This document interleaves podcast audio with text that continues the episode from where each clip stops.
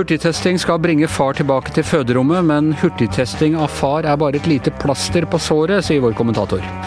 Og vil Carl I. Hagen ta kampvotering om tredjeplassen på Fremskrittspartiets stortingsliste fra Oslo? Dette er Gjevrøy-gjengen, og det er tirsdag den 23. februar. Ja, eh, nominasjonsmøtet i Oslo Fremskrittspartiet har brakt Tybring-Gjedde på førsteplass. Jon Helgheim strengt tatt fra Buskerud på andreplass, og nå er det snakk om at Carl I. Hagen eh, kan gå inn på kampvotering om tredjeplassen, eh, som da egentlig er da tiltenkt eh, Aina Stenersen.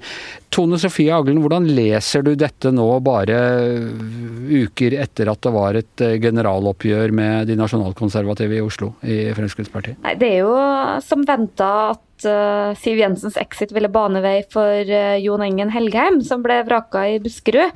For han er en uh, politiker som som alle fløyene i Frp kan enes om, syns har gjort en god jobb. Og de liker jo ikke sjøl at det er snakk om at det er ulike fløyer i Frp, men det ser jo i hvert fall sånn ut fra utsida. Og mm, jeg tror egentlig jo mer vi ser av situasjonen i Oslo og Frp, jo kanskje tydeligere er det for meg at Siv Jensen har hatt det her i bakhodet ganske lenge og ønska å, å rydde opp i Frp i Oslo før hun forlot eh, bordet sjøl.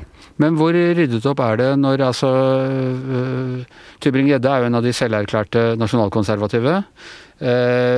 Helgheim tilhører i hvert fall den fløyen av partiet som Eh, som blir oppfatta som eh, si, de mest tydelig konservative. Så han, han, har vel sagt at han ikke skjønner helt hva nasjonalkonservativ betyr, men at han eh, han er i hvert fall populær i, også i de kretser. Og hvis Carl I. Hagen også kommer inn på tredjeplass, så har du en ganske konserv, tungt konservativ fløy av Frp fra hovedstaden. Ja, men jeg er usikker på om intensjonen har vært å, å, å fjerne det helt. Eh, jeg tror nok en del i partiet gjerne skulle sett en annen person enn Christian Tybring-Gjedde på topp. Eh, for han appellerer ikke veldig sterkt til de liberale, men jeg tror det er en veldig sånn, sterk erkjennelse av at han uh, har gjort et veldig godt uh, grunnarbeid i Oslo, er godt likt i sitt eget lokallag og har stått opp for dem. Så jeg, jeg tror ikke har, noen har hatt noen sånne ambisjoner om at han skal uh, ut. Når det gjelder Jon Helgem, så er jeg litt sånn usikker på om det, om det liksom er riktig oppfatta, for han har hatt den posisjonen som innvandringspolitisk talsperson i Frp. Jeg tror ikke det er noen veldig sånn enkel rolle å ha. For uh, nesten uansett hva du egentlig gjør, så tror jeg du veldig fort blir litt sånn skyteskive for hele den der uh, innvandringsliberale delen av befolkninga. Men jeg tror nok at han får vel så mye kritikk for å være for myk på innvandringsområdet. For jeg tror det er en ganske sånn krevende jobb å å ha den rollen han har hatt. Da. Så hvor sånn konservativ han er, det er jeg litt mer usikker på. Det har kanskje vært mer uh, rollen hans. Og at uh. Hagen kan ha et comeback på tredjeplass, det har han jo varsla lenge. Den eneste forskjellen her er at det er uh, Engen Helgheim som eventuelt kommer inn uh, istedenfor Siv Jensen. Dette speiler godt Fremskrittspartiet av 2021, den, de tre der? jeg tror vel det er en del av FrPs problem at det kanskje ikke speiler godt nok, eh, ikke minst i hovedstaden. Og det har jo vært en sånn erkjennelse av at de i for liten grad har klart å modernisere partiet og politikken. Eh, så om de gjør det, det er jeg mer usikker på. Men eh, jeg vet ikke om hovedproblemet til Oslo Frp akkurat er de to på topp, i hvert fall. Vår eh, gamle kollega Eirik Mosveen han skriver en kommentar i Avisa Oslo i dag hvor han skriver om Frp et parti for til dels svært gamle menn. Hans Petter Sjøli? Ja, altså det er jo ikke så veldig gamle de som er på topp. da. Tybring-Edde er det 57 eller noe sånt, og han Helgheim er jo yngre enn meg, så da har jo han en veldig ung mann. Carl I. Hagen er jo mer av de eldre da, som kan komme inn her. Ellers er jeg jo litt uenig med Tone Sofie at Stubring-Gjedde står så veldig veldig sterkt i Oslo Frp. Altså Hadde Ketil Solvik-Olsen sagt at han har stilt der, så tror jeg nok kanskje han kunne ha i hvert fall lirka seg inn på, blant de, de, på toppen her. Eh, men, men, eh, men, det er i hvert fall sånn at Karl. Hagen, altså at Frp har jo hatt et stort sånn mannsproblem. altså de har jo, Det har vært veldig mange Jeg tror 70% av medlemmene av Oslo Frp er menn. Og, og, og de altså over, over 60, altså 50% av medlemmene er over 60 år. At, og de gjorde jo et elendig valg i 2019. De fikk 5,8% 5,3 var det kanskje. Så, så De har jo hatt en intern også ønske om å gjøre seg mer spiselig for både yngre velgere og for kvinner. Og, og demografien i Oslo er jo sånn at du må appellere til de yngre, for det blir stadig flere av dem. ikke sant? Og, og hvis Frp nå blir oppfatta som et gubbeparti i Oslo, så skal de nok få et ganske stort problem med å, med å komme seg noe særlig opp fra det elendige resultatet de har hatt i det siste. Ja, Tom Sofie, hva tenker du? Hva er et godt valg for um, Frp i Oslo? Betraktelig over det de har i dag, i hvert fall. Det er jo ikke så fryktelig mange i år begynner kanskje å bli tiår, for eh, siden Frp faktisk gjorde det veldig bra og var et eh, viktig parti i hovedstaden. Men det har jo helt åpenbart skjedd noen ting med velgermassen til Frp, og i dag så er det jo sterkt overrepresentert hos menn. Det har det egentlig alltid vært, men også hos godt eh, voksne menn. Men jeg syns nok at eh, analysen om hva som skal til for å løfte dem, er litt enkel. For hvis du ser til Trondheim, da, uh, som, uh, hvor Frp også gjør det veldig svakt, så er jo de den helt motsatte enden politisk av de mer innvandringsliberale. Det er vel fra Trøndelag de eneste som har sagt at de ikke ønsker Sylvi Listhaug som ny leder. Den fremste politikeren der har lenge vært en ung kvinne Eh, gjør det likevel dårlig. I Bergen eh, har Frp gjort det dårlig. Der er jo også lokallaget lagt ned. Så liksom, at det er noen sånn enkel oppskrift om du liksom får noen sånn unge, liberale, freshe folk inn, at det er liksom det som skal til. Så kan vi sikkert diskutere hvor populær Christian Tybring-Gjedde er, men eh, det er ikke noe tvil om at han blant medlemmene i Oslo Frp, og det er nå engang dem som skal velge ham, at han er populær der. Men det er jo litt flere enn medlemmene i Frp som skal stemme ved valget, og det er vel det du tenker på da, Hans Petter, i, i forhold til at uh, om, man, om, man, skal ha noe appell utenfor for den indre kjerne? Ja, altså, men hvorvidt det her eh, altså, jeg, det, jeg, skal ikke jeg liker ikke å spå om hva som kommer til å skje, for det vet vi ingenting om. Men, men, at Tybring-Gjedde har vært omstridt, er det i hvert fall ingen tvil om. En annen ting, en annen ting som er litt vittig med, med det vi snakka om med eldre menn, sånn, er jo at de skal jo få ny leder også i Oslo Frp etter alt det styret med han Ugland Jacobsen som ble kasta ut. Så nå ser det ut til å bli Peter N. Myhre. Og han er jo også en ganske voksen mann. Og han blir da altså leder for fjerde gang for Oslo Frp. Og det er jo som Erik Mosveen skriver i den kommentaren som du nevnte, der, Anders, det må jo være verdensrekord. Samtidig så øh, han øh, står ganske midt i partiet, har han alltid gjort, han ikke, Petter N. Myhre? Han er liksom Frp av den gamle sorten. Han har vært med hele veien, helt siden starten på 70-tallet, og, og er respektert. Han var, tror jeg, på det møtet til, til, som Anders Lange holdt i Saga kino i 1973, hvor, hvor han stiftet partiet. Og er respektert, og er, har jo vært ordfører. Han, han er jo en sånn fyr som, som mange liker. Og, og, sånn sett så det, det, det de trenger i Oslo Frp, selvfølgelig er jo en, en, en samlende kandidat som, som ingen er, er liksom sint på i, utgangspunktet. Så, så der jo, kan nok Myhre fylle, fylle, en ganske grei rolle da fram mot valget. fordi de, de trenger vel mest fremst da, først og fremst nå at det blir en slags ro der, for det, ja, etter alt det bråket. Men, men, det jeg lurer på med, altså, med Siv Jensen, som sto på topp der, hennes tanke bak alt som skjedde da, har jeg hatt har jeg liksom kontroll på det som har skjedd etterpå, eller er det, er det liksom har, har, det plutselig kommet en ny dynamikk inn i bildet som hun ikke helt så rekkevidden av? Jeg syns det her er litt vanskelig å se. Hva tror du, Tone Sofie? Altså, øh, hun pekte jo veldig tydelig på sin øh, etterfølger, øh, Siv Jensen. er den oppslutningen om Sylvi Listhaug unison, eller er det jobbes, vil det jobbes i kulissene for andre kandidater eller løsninger? At den er unison, det er den jo selvfølgelig ikke. For det er jo mange i Frp, kanskje ikke så veldig mange sånn uttalt, men eh, som har vært skeptisk til henne.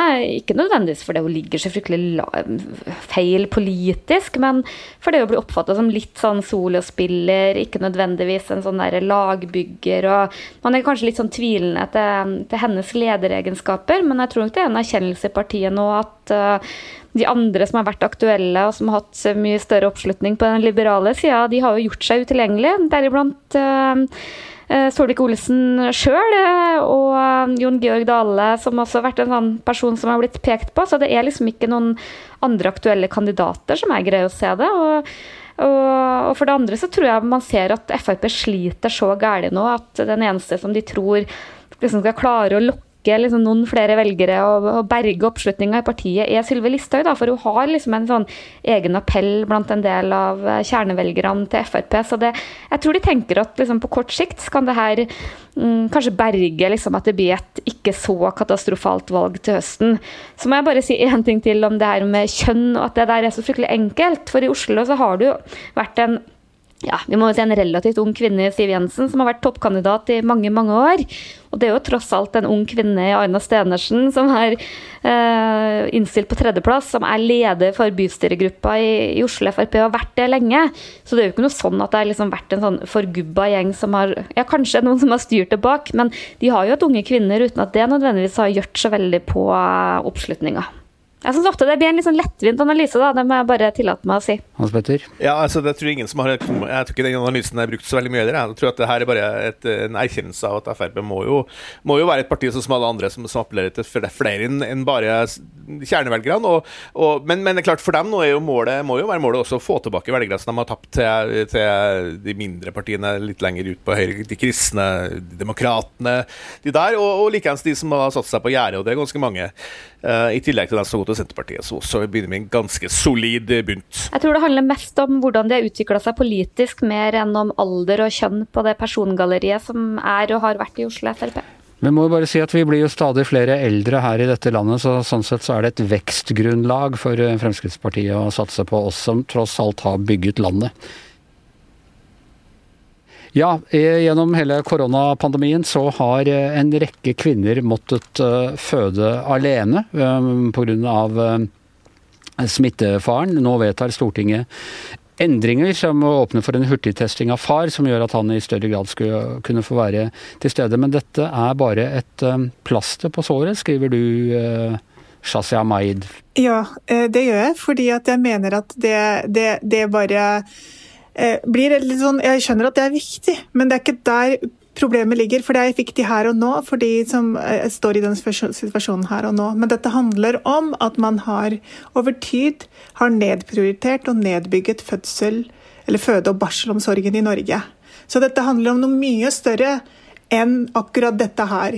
Pandemien har jo bare avslørt en mye mer alvorlig problem sånn som jeg ser det. Og hva er det store, alvorlige problemet? Det er at uh, f.eks. at man uh, Altså det er for få f.eks. familierom. Altså Hva hjelper det at du hurtigtester far hvis det ikke finnes familierom hvor, hvor kvinne og barn og denne familien kan være? Det er hvis, hvis kvinnen er så uheldig da, at hun blir syk under fødselen eller etter fødselen, så er det firemanns, uh, firesengsrom Eh, hvor far til nød kan sitte og sove på en stol bak, bak et forheng. Og nå kan han jo ikke det pga. koronaen. Og så er det jo alle disse føde- og barselavdelingene som er blitt lagt ned. Kvinner har født i biler og på veien og i ambulanser. Altså det er Man har rett og slett på en måte nedprioritert um, dette her, og jeg ser jo på det som et større problem. Uh, vi, vi vil at kvinner skal jobbe. Eh, og samtidig få flere barn, men vi som samfunn skal ikke gjøre nok for at det skal kunne skje. da. Og så blir man overrasket fordi at eh, stadig flere eh, nybakte mødre får fødselsdepresjoner.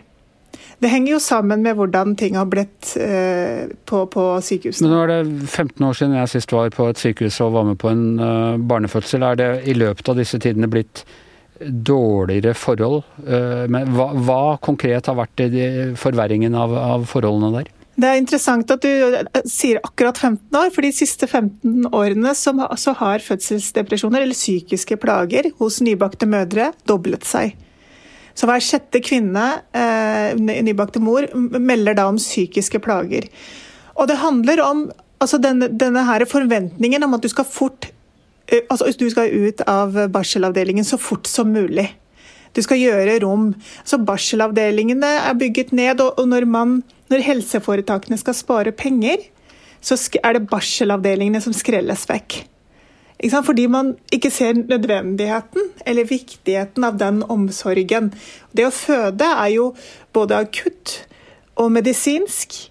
Og Derfor er det greit, men omsorgen er ikke så viktig, så det kan vi bare slutte å gjøre. Og da er det og, og, og, I en sånn situasjon så er far kjempeviktig, for han blir en ressurs. Altså, Sykehusene sparer penger på at far er til stede. Men når ikke han heller nå kan være til stede, da, så, så blir det bare ekstra ille, rett og slett. For jeg, altså, da jeg ble født, da, eller veldig gamle dager, så, så ble jo kvinner ligge, liggende Så gamle dager er det ikke, Shazia. Forholdsvis gamle dager. Så ble jo kvinner liggende i flere dager. Og ble tatt vare på. Hvor lenge er det nå? Nå er det jo, de skal jo, altså Det har jo blitt nevnt at kvinner egentlig skal ut etter noen timer. Ikke sant? Det har jo vært forslag. Men nå blir det jo sendt altså Det som har skjedd under pandemien, er jo ikke bare det at kvinnene føder alene, men flere kvinner har blitt sendt hjem veldig tidlig, veldig fort, fordi at man ikke har kapasitet. ikke sant? Ehm, så, så ja, nei, det, jeg tror det er et par dager.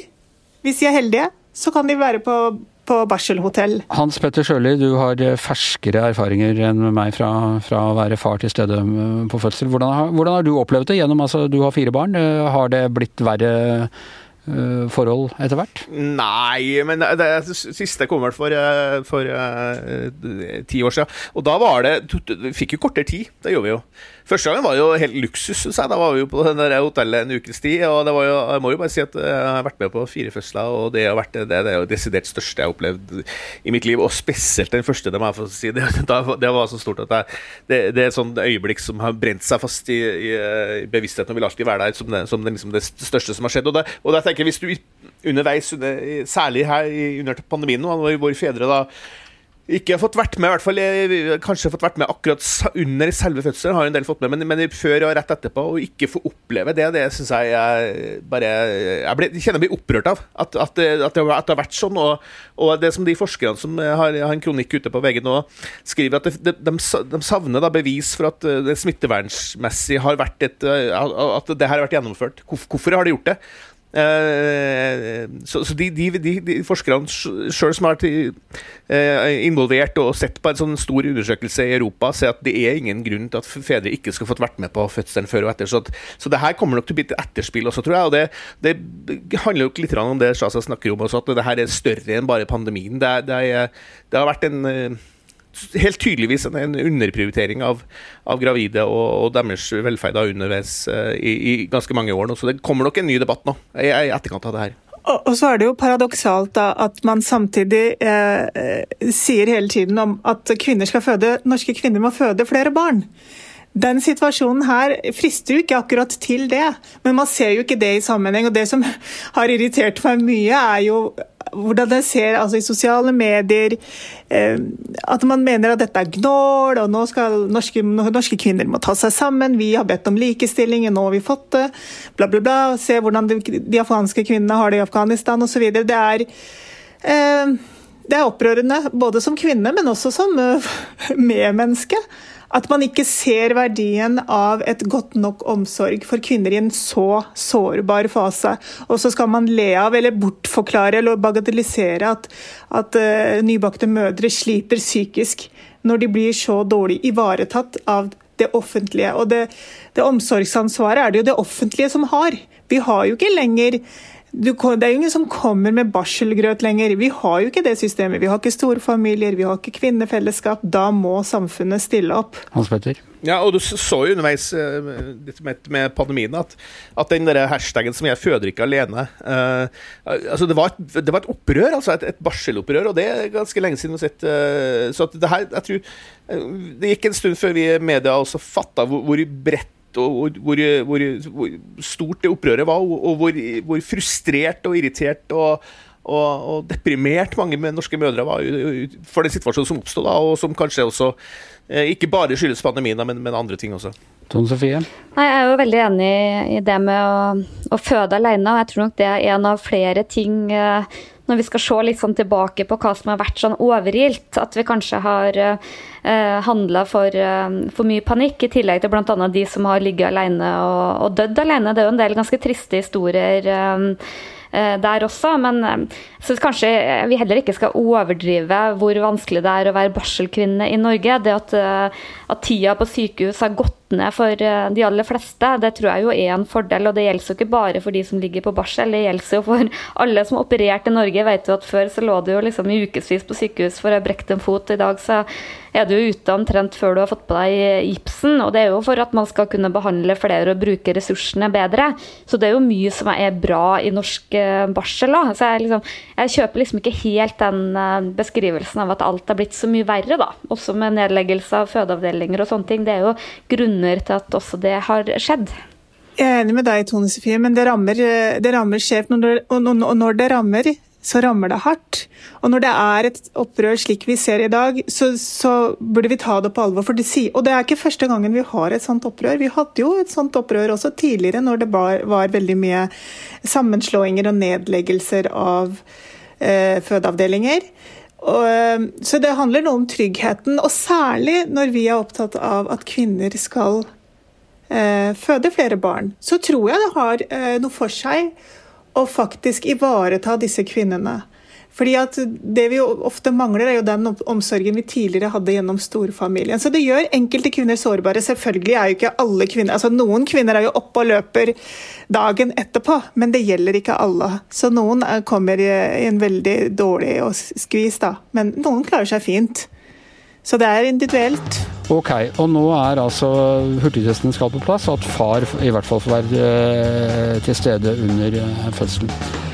Da tror jeg vi sier at Gjever og gjengen er over for denne gangen. I hvert sitt hjemmestudio. Tone Sofie Aglen, Shazia Maid, Hans Petter Sjøli. Jeg heter Anders Giæver, og vår alltid tilstedeværende far er produsent Magne Antonsen.